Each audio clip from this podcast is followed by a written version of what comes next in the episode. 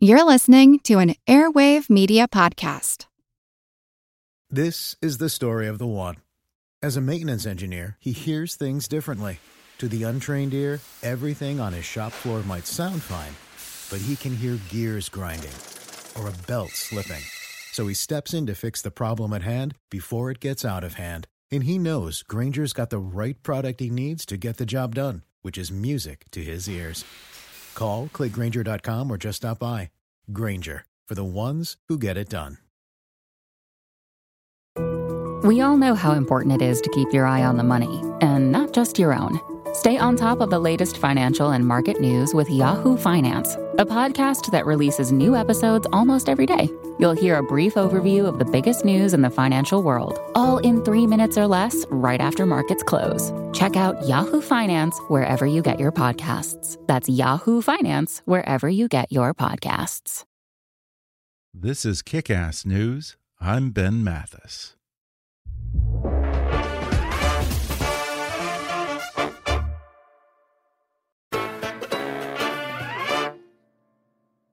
The night of May 25th, 2020, changed America. George Floyd, a 46 year old black man, was killed during an arrest in Minneapolis when a white cop suffocated him.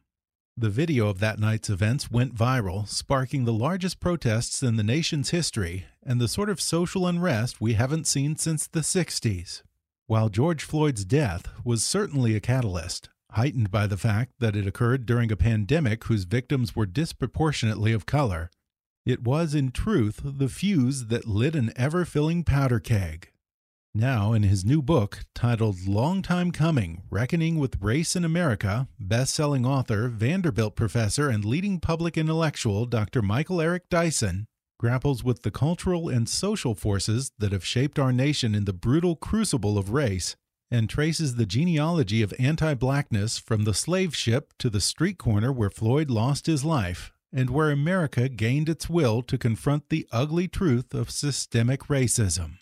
And today, Michael joins me on the podcast to talk about his decision to address race in America through a series of letters to black martyrs, why we all know the name George Floyd, but we might not know the name Elijah McClain, and how he's seeking to educate white people about the centuries of violence against blacks that have led up to this moment.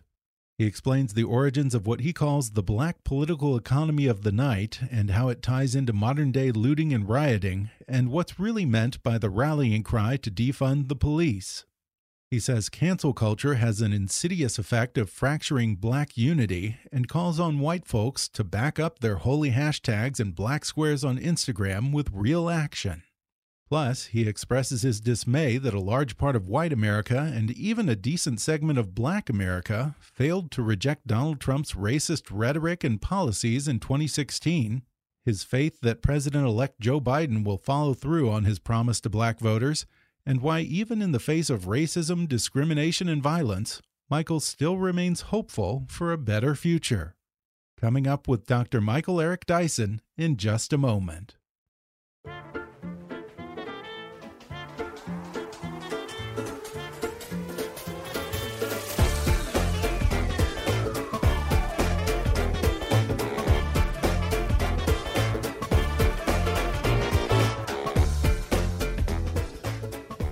Dr. Michael Eric Dyson is a distinguished university professor of African American and Diaspora Studies and of Ethics and Society and Centennial Professor at Vanderbilt University. A contributing opinion writer for the New York Times, Dyson is the author of seven New York Times bestsellers, including Jay Z, Tears We Cannot Stop, and What Truth Sounds Like. He's a recipient of two NAACP Image Awards and the 2020 Langston Hughes Festival Medallion and is considered one of America's leading public intellectuals. Indeed, former President Barack Obama once noted, quote, everybody who speaks after Michael Dyson pales in comparison. That comes shining through in his latest bestseller, a passionate call for this country to finally deal with race and start the journey to redemption, titled Long Time Coming Reckoning with Race in America. Dr. Dyson, welcome to the podcast. Thank you, my friend. It's great to be here. Well, Michael, I really enjoyed this book. I found it enlightening, inspiring, and heartbreaking all at once. And the majority of the book is framed as letters from you to various black martyrs like Emmett Till. but you actually opened the book with a poem that pays tribute to one living legend, LeBron James. What's the significance of LeBron to you?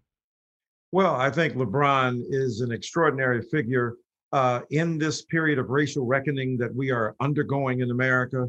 Uh, in the attempt to bring justice, truth, and democracy to the fore, and to provide a better uh, standard of living for those who have been marginalized, and to address uh, the racial catastrophes through which we have lived, LeBron James has been a singular force and a singular uh, figure who, with you know his global authority as a sports icon, named I think for the third time Sports Illustrated's Man of the Year, I think that's some kind of record, uh, has leveraged his global fame uh, in defense of vulnerable Black people. And speaking powerfully and articulately for justice at the height of his fame, not after he's gone, not after he's finished with his career. And so I wanted to honor that extraordinary achievement and his incredible pedigree. You know, it's kind of funny because we white folks go nuts about LeBron or Michael Jordan, Miles Davis, Denzel, mm. Beyonce, but I'm just taking a guess here that the majority of white Americans can only name two prominent black people who aren't athletes or artists Barack Obama and Martin Luther King. Right. So, what does it say to you that white people are so obsessed with black athletes and performers to the exclusion of all other black achievement? Well, we appreciate the appreciation of the black the black athletes, the black entertainers, uh, some of the black leaders. Uh, some they may know negatively, whether Al Sharpton or Jesse Jackson, though those figures should be certainly redeemed and restored to their rightful place of high regard in the collective white mindset. But it says we've got more work to do in white America to figure out um, that you know the most precious resource is the ordinary black person who with great dignity and extraordinary diligence has made a way out of no way has risen high on the totem pole of american achievement. And whether or not the dominant culture recognizes or acknowledges them they have done remarkable things with what they have in their possession. So many millions of black people who continue to thrive, who continue to hunger for better, who continue to desire that this nation live up to the true meaning of its creed, as Martin Luther King Jr. said. So I think, um, you know, it was, and I cite this in the book, I think it was Fannie Lou Hamer, the great civil rights leader, who said, the mistake white folk made is that they put us behind them because they thought we were inferior as opposed to in front of them. And when they put us behind them, we could look at everything white folk do. We could learn white people. We have to learn whiteness, white ways, white dispositions, white habits, white desires, white angers, because depending upon that knowledge uh, could save us. Our survival was dependent on us mastering and knowing white mm-hmm. moods, white maladies, and, and, and, and white habits and practices. But a lot of white folk weren't inspired or encouraged or compelled to learn in return about Black people. Mm-hmm. And as a mm-hmm. result of that, uh, it shows up perhaps in that uh, suggestion that ordinary Black people or Black people, even of high achievement, uh, may not, you know, register on the radars of white America in the same way that a Beyonce or a Jay Z mm-hmm. will and yet we know that Black people of high achievement and an extraordinary pedigree uh, are there for the knowing if white curiosity would cure the ignorance. Uh, do you think it's demeaning that white people focus so heavily on black entertainers and athletes, almost as if black people only exist to amuse white audiences? On some level, isn't it just sort of a modern day form of minstrelization of blacks? Well from uh, your mouth to white ears. and you, you, said it with eloquence. Um, look, we appreciate again the acknowledgement of black athletic genius. I don't want to deny, and I know you aren't either. We don't want to deny what LeBron or Kobe or Jordan or Denzel or LeBron or Oprah are doing, but we want to say that we're bigger than that. We're mm-hmm. beyond that. And yes, there is something about the ghettoization of white knowledge of Black culture into these fears. Although, let's be real, um, it was the black athlete and the black entertainer who brokered awareness of and brokered acceptance for black people in the white world because of the very fact you're talking about. Mm-hmm. White folk would say, "Well, they would make exceptions for." You know, black entertainers and black athletes. They were better than the regular blacks. They are not like the regular blacks. And this is why we love LeBron James. LeBron James said, No, I'm one of them. I am part of who they are. I started at the bottom. I started without a father in the home. I started with a single mother. I started in poverty in Akron, Ohio, and now I'm at the top of the, the food chain, so to speak. But I recognize those people who fed me and fueled me. And yes, I think it's extremely important for white brothers and sisters to understand that even though white entertainers and white athletes brokered awareness and acceptance, and that's a good way to open the door, you got to walk through it. You got to see the richness of Black culture, the diversity of Black culture, the contradictions, the paradoxes, the complexity of Black culture, and complexities of Black culture to understand fully who we are. Mm -hmm. Well, I want to move to the meat of your book, which is these letters that you've written to slain Black men and women who were the victims of racial injustice from Emmett Till to Eric Garner. Why did you choose the epistolary form to get your point across in this book?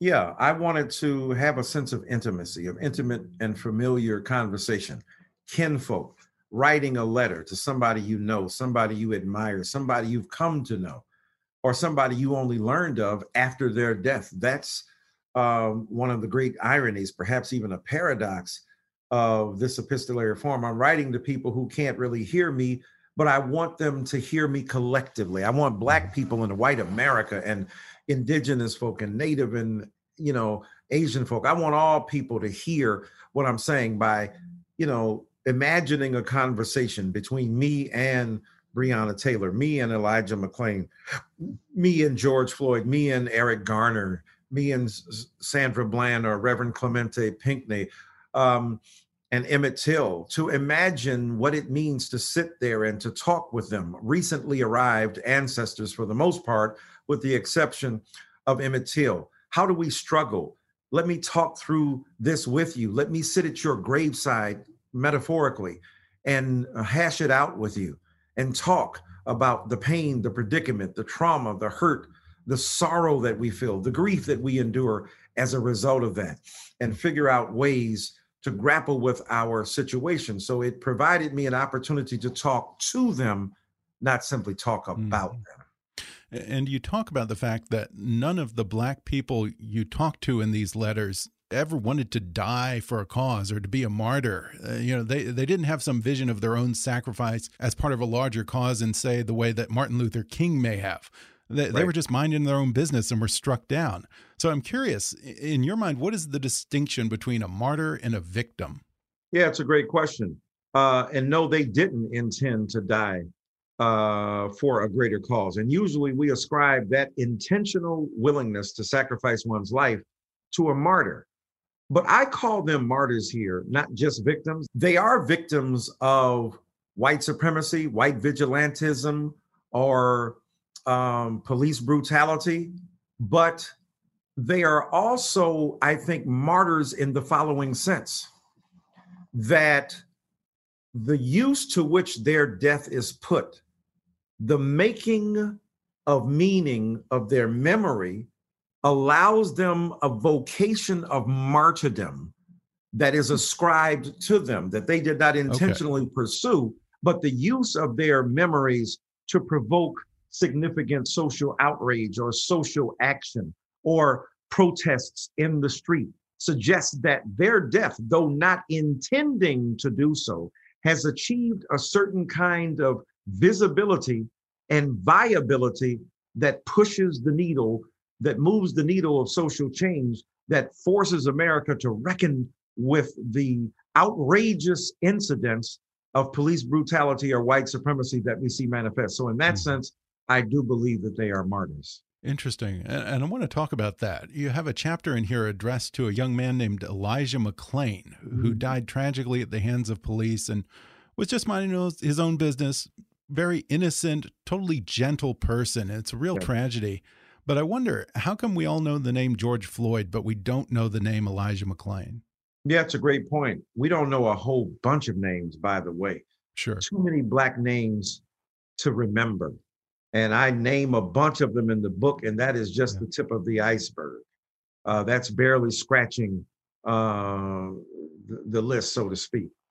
So I think we don't know uh, Elijah McClain because he was yet another anonymous black person who got lost in the shuffle mm-hmm. of so many black deaths, of so many black people succumbing uh, to white brutality in the form of police and the willful denial of the opportunity to any longer exist that seems to be the prerogative of white people uh, who are police people or police people who are in general of whatever race mm. denying the ability of black people to thrive to flourish to survive even and so many of us have met that fate that we can't recall all of them although as you do indicate the egregious character of the death of Elijah McClain, an innocent, sweet young man, 23 years old, perhaps on the spectrum. We don't know, but we know he played the violin to pigeons and birds to soothe and calm them.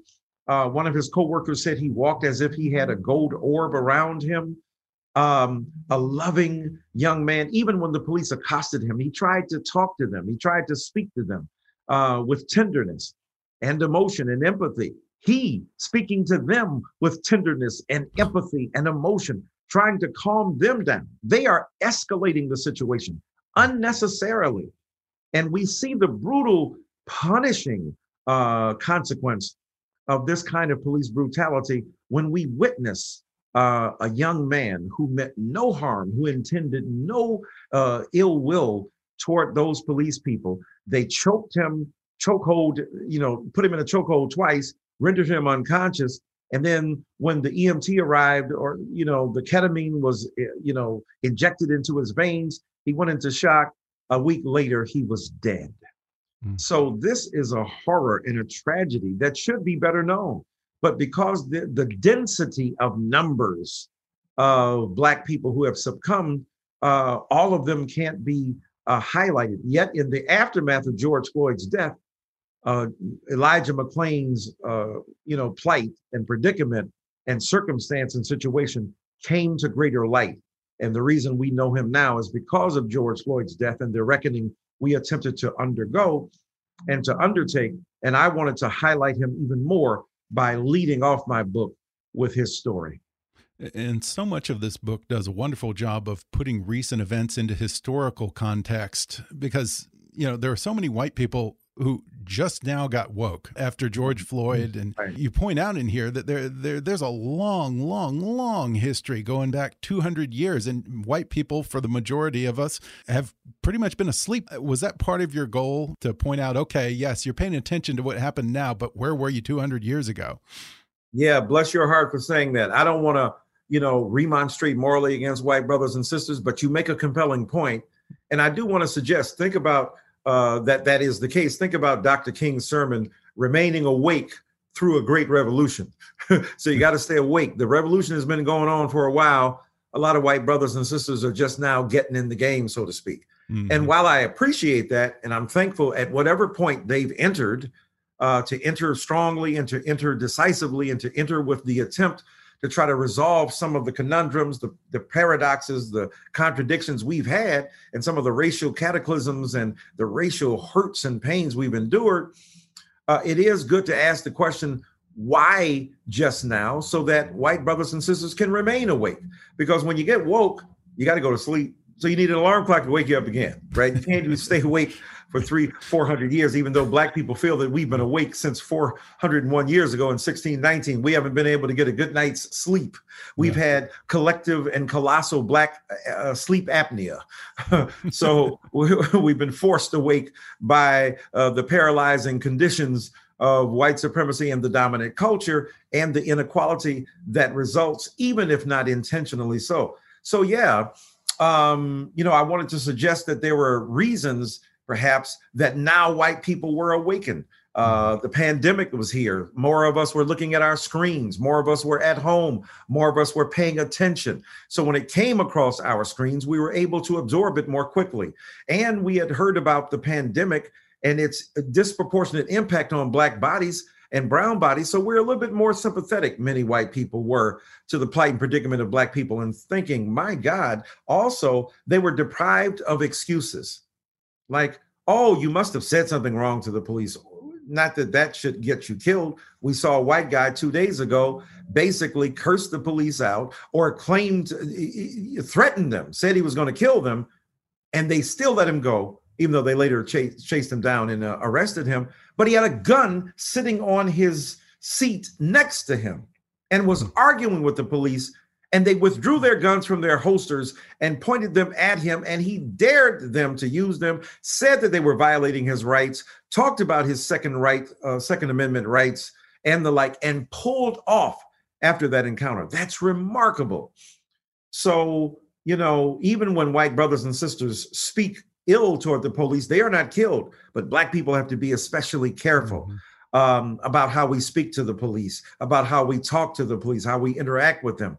And some white people didn't have that excuse anymore. And they didn't have the excuse of, well, you must have run from the police or you must have tried to harm them. He's laying prostrate on the ground with the knee of the officer, Derek Chauvin, boring into his neck. I think that got to white people in a way that yeah. few things had before and it forced a lot of white people to join the movement, the Black Lives Matter marches and protests at the greatest number and greatest clip ever in the history of this nation. We're going to take a quick break and then we'll return with more when we come back in just a moment.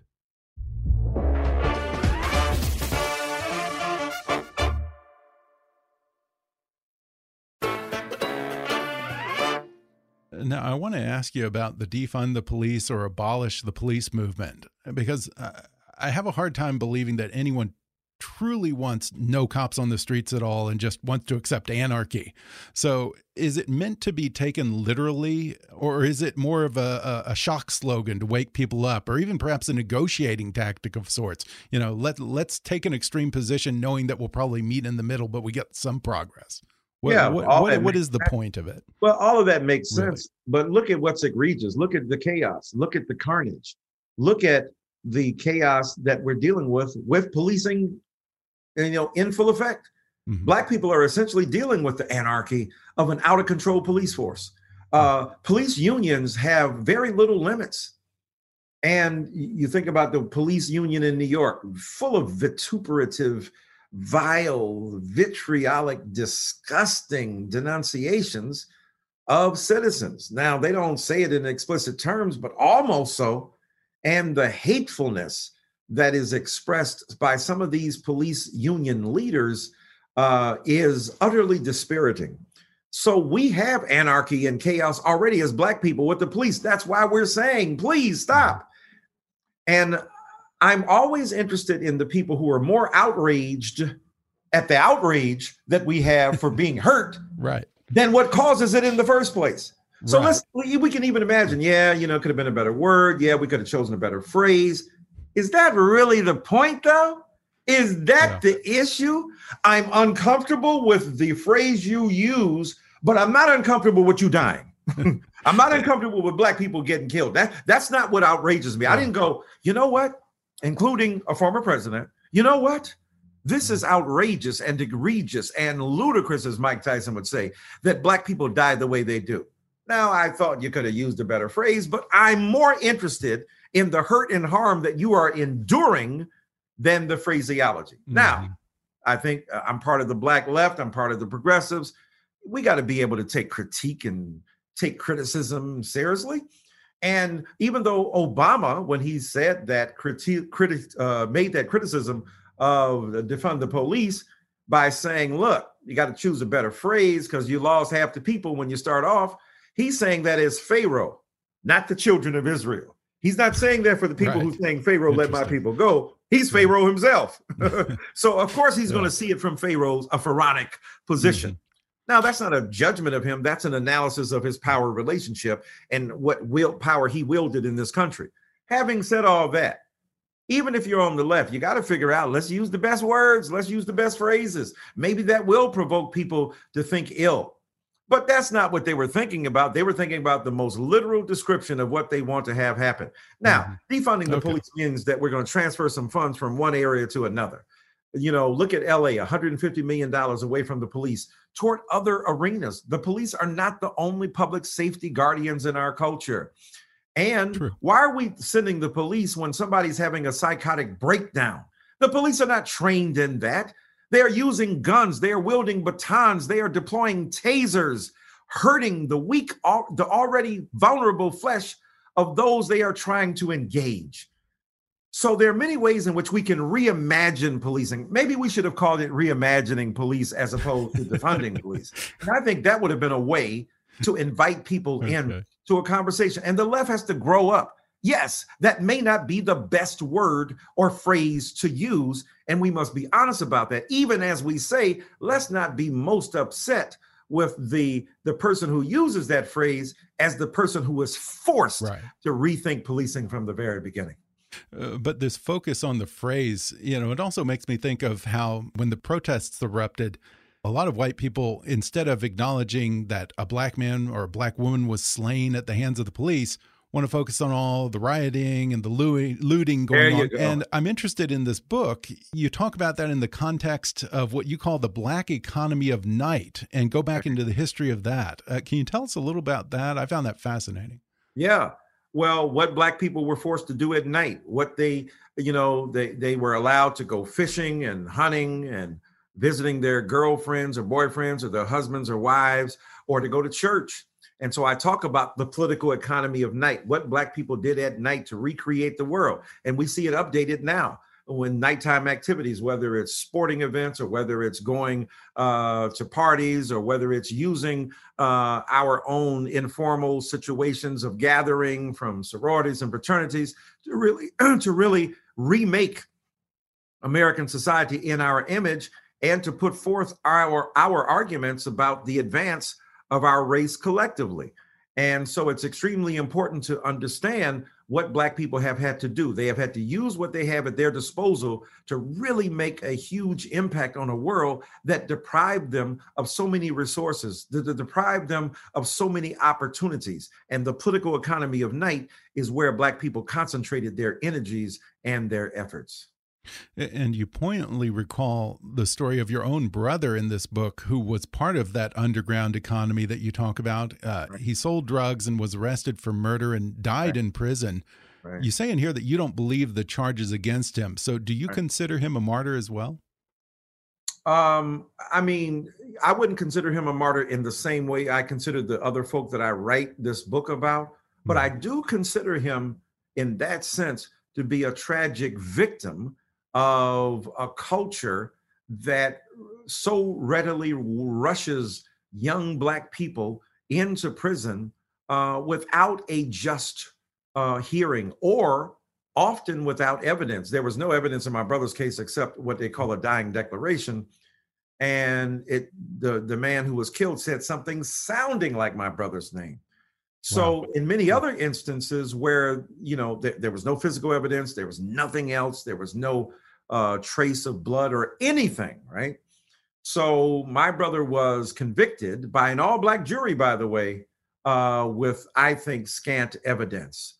So, um, you know, in one sense, I guess one could say he was martyred for a uh, legal justice system that continues, uh, that refuses to recognize that a lot of black people who are killed who are put to death on death row or who suffer a fate of life in prison are unjustly there.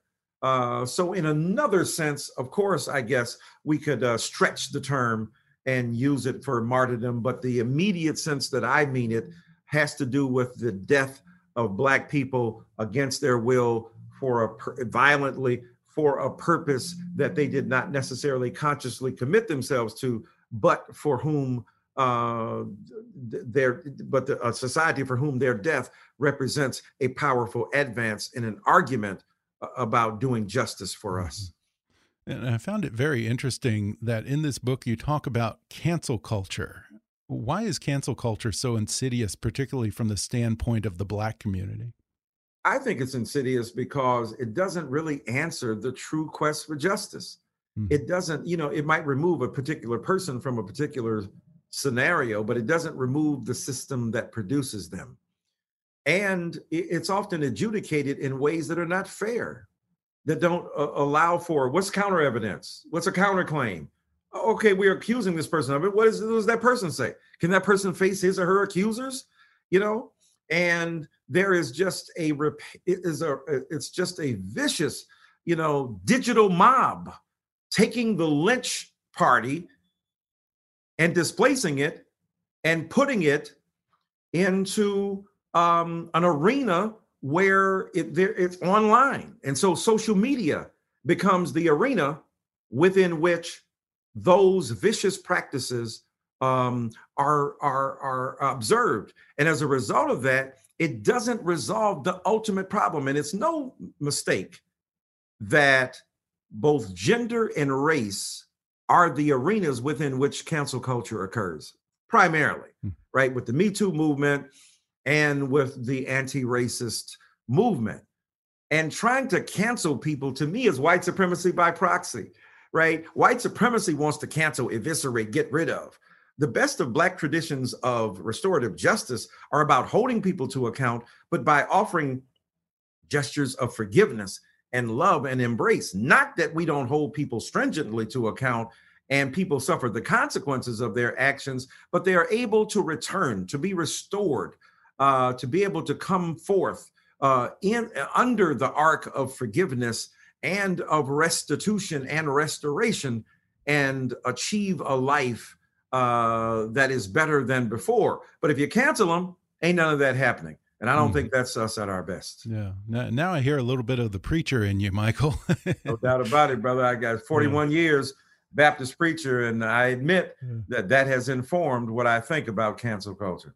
Is there any value to you know white people's virtue signaling, putting Black Lives Matter signs on their lawn, and posting a black square on Instagram, or is it just a cheap way for white people to let themselves off the hook and feel better about themselves? Well, it can be both, right? Uh, it, it certainly can be the latter and the kind of virtue signaling that's going on. But look, I'll take uh, as opposed to what I saw with Donald Trump, who doesn't care, who tries to out uh, care about black people, who tries mm-hmm. to outlaw um, or rule out of play in in in government arenas uh, discourse about diversity and seeing it as hate speech. Then give me some virtual signaling. Give me some white folk who want to post a black square on Instagram. Give me white folk who want to talk about Black Lives Matter because that's a beginning. Because mm-hmm. where I meet you doesn't mean that's where I leave you. And where we meet first doesn't mean that's where we end. So when Jesus met the woman at the well, he just wanted to drink of water. Hey, how you doing? Can I get some water? It's kind of I'm thirsty out here. Then he starts having a big theological uh, discussion about the nature of her personal life and the domestic uh, need for transformation. So for me, uh, you know, you can meet folk at the church, at the well of Black Lives Matter, and they begin to think critically about their lives. Then you in, invite them. Let's do a little bit more. It's more than posting. It's got to you got to post bail, uh, post bond uh, when you are imprisoned in a narrow conception of blackness, and you want to get whiteness out of there. You want to get the white folk that you know who are imprisoned in those narrow jail cells of consciousness out of there. You want to bail them out. So you want to do more than post. You want to think. You want to challenge. You want to reflect. You want to begin to integrate into your own workplace and your workspace and your home uh, the ideas that can help people uh, in a far better fashion. I wonder, do you understand where some black people come from when they say something along the lines of, you know, it's not my job to spend my time and energy educating white people about black life, black history, black culture. You know, I, I get that you're a college professor, so education right. is kind of your thing, but can right, you relate right. to that sense of exhaustion? Oh, sure. I get it. I mean, I'm exhausted myself sometimes, like, damn, not again. I thought we told you already. Yeah. And part of the exhaustion of certain black people is the feeling that you don't had Du Bois, you don't had A. Philip Randolph, you don't had mm-hmm. Martin Luther King Jr., you don't had Angela Davis, you don't had James Baldwin, you had Maya Angelou. Damn, what can I tell you that they haven't said? What? You got to read. The blueprint is there. Go check it out. Don't mm-hmm. try to build a building without the blueprint and act like you need a blueprint to build a building when the blueprint is already there. Blueprint one, Blueprint two, Blueprint three by Jay Z, especially. But the blueprint is there. uh, it's been laid out time and again. Yes, we want to update it. Yes, we want to refresh your memories. Yes, we should talk to you, those of us who are willing to do so. But understand why some Black people are just outraged and out of gas and out of excuses mm-hmm. and out of reasons to try to help other people. Don't be mad at them. Allow them to rest a little bit. Some of them will probably come back around. And if they don't, there's so many other Black people who will be of service and yeah. willing to help. But don't judge those Black people for being legitimately and right. genuinely uh, exhausted. Right. And, and, you know, I can get how black people probably get tired of white folks coming to them and asking them dumb questions. You know, like, where do you get your rhythm from? Or is a black man in a bow tie automatically a Muslim? You know, hell, I, I, worry about irritating you in this interview right now. no, look, uh, we got to have a sense of humor about those things. And I think humor is really good when in talking to people across a barrier or border or boundary no matter what it is race gender class sexuality religion and the like and and you know i tell people take yourself take what you do with deadly seriousness mm-hmm. but don't take yourself seriously at all mm-hmm. what you're doing is extremely important but in the process don't think like you're the only one left or you're the only one with the righteous indignation or you're the only one who has the right way to do stuff there are a lot of people out here trying to do it in different ways so let's figure out the best way that will help the people we know and the white folk who come to us and to figure out what they must do. And mm-hmm. then from there, we can begin to make huge changes in the culture. Now, if a white person reads this book, they're probably already approaching it with an open mind and a certain interest in what you have to say. Mm -hmm. In mm-hmm. some sense, you're kind of preaching to the choir here, aren't you? How do you convert those diehard racists whose minds are already made up? How do you reach those people? Or is it even worth the effort? Do you just write them off or what? I don't write them off, but you know, it may not be until they're ready to hear that they can hear, mm -hmm. right? Even Jesus said, "Let those who have ears hear." Mm -hmm. So he's implying everybody ain't gonna hear it. So if you smart enough, pick it up. If you pick up what I'm putting down, we're on the same page. We're in the same arena. Mm-hmm. Um, but I don't mind preaching to the choir. I, I've been a preacher, like I said, for 41 years, and the choir has to rehearse. The altos have to sing their part. The sopranos can't step on the the, the bass, and the bass can't mess with the baritone. You got to figure out what you're doing when you're singing in a choir. You got to figure out how you harmonize together. You got to come to choir practice. You got to go over and over a song to get it right so that when you perform it, it will be to the glory of the God you claim to represent. So, choir rehearsal is important. So, preaching to the choir is a beautiful thing. Now, we were just talking about Trump a minute ago. I, I, have to assume that you were disheartened that more white people did not reject Trump and white nationalism in the 2020 election. I mean, I kind of get if in 2016, it, it, maybe it was some kind of a black swan event and they gave him the benefit of the doubt. But after four years of this, it's very hard to claim plausible deniability, isn't it? It is. Um, I'm not saying everybody who voted for Trump is a racist. I'm saying Trump is a racist, and if you voted for him, you were complicitous in racist mm-hmm. behavior. Mm-hmm. So whether that makes you a racist or not, that's between you and your God. But the point is, you are supporting a racist. You are doing things to support what racism wants to achieve. You are enabling racism to go further. Does that make you a racist? You think about that. That's something for you to determine. But at the end of the day, the consequences of your practices are enabling racial beliefs that are detrimental to this nation.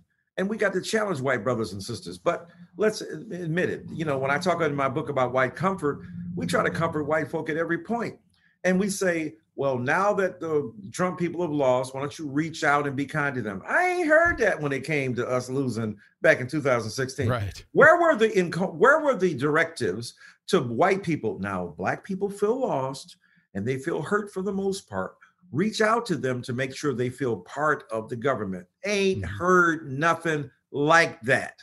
So now this cuddling, this coddling, you know, this mollycoddling, you know, um, that is going on is rather interesting and intriguing to me. I do believe in being kind and generous to people, and I do believe that we should reach across whatever aisle that separates us. But at the same time, let's not be hypocritical about how it occurs when black people or progressive people or other people of color uh, or even poor white people are denied access to a particular goal or ambition and they are not seen in the same way they are not felt sorry for or empathetic with uh, in the same way that we're being now invited to feel for trump voters who have been defeated soundly at the polls and uh, on the other hand, we have Joe Biden, who spoke forcefully about racial justice during the campaign, although he did back away from some things like defund the police. Right. I know that you endorsed him, and I'm wondering what happens next. Do you believe that he will back it up with actual action? And what do black people do if he doesn't live up to his promise? Yep, I believe he will. Back that thing up. back up what you said. Okay. Uh, get some New Orleans bounce up in there. So yeah, I believe he will, and I think we have to hold him accountable. You know, we have to hold Joe Biden accountable. Uh, we have to hold um, Kamala Harris accountable. They are our representatives. We believe in them. That's why we voted for them. That's why I endorse them. But yes, uh, but I think we should hold them accountable. And look, we have a better chance of holding them accountable than Donald Trump. Donald Trump didn't care. There's no accountability to be had. There's no pushing of him. He didn't give a sweet darn about what Black people felt or thought. So, as a result of that, let's acknowledge that we begin at a different place with a Joe Biden and a Kamala Harris who met yesterday with the NAACP and other mm-hmm. Black leaders who are willing to hear their particular worries or concerns about how many uh, diverse members of a predominantly black or brown community um, would be um, put into uh, place uh, and into the cabinet of Joe Biden. He was open to that. He was willing to meet. He was willing to talk. That's a huge sign of progress in this nation. Mm -hmm. Well, I've really enjoyed the conversation, Michael. And real quickly before we go, you end the book with a few paragraphs about hope for a better future. I right. imagine there are a lot of folks out there, especially Black Americans, who don't share that faith. So, right. what is it that keeps you so hopeful?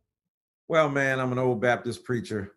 And, you know, optimism, Reinhold Niebuhr, the great theologian, said, is a shallow virtue. But hope, he said, is deeper uh, hope is more profound. Hope exists even when there's no evidence that it should exist, but you create the very possibility for which you strive. That's what hope does.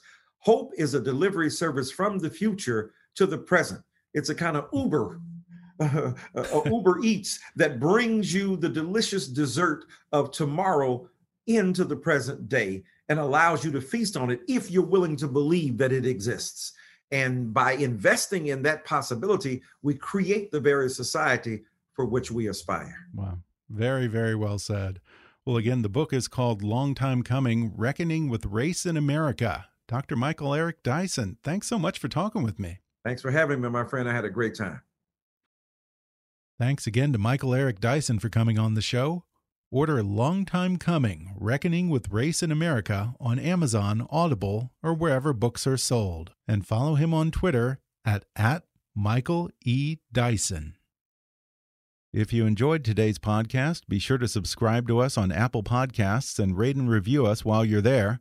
Five star ratings and detailed reviews are one of the best ways for new listeners to discover the show. You can also follow us on Facebook or on Twitter at, at KickassNewsPod and recommend us to your friends on your social media. For more fun stuff, visit kickassnews.com, and I welcome your comments, questions, and suggestions at comments at kickassnews.com. For now, I'm Ben Mathis, and thanks for listening to Kickass News.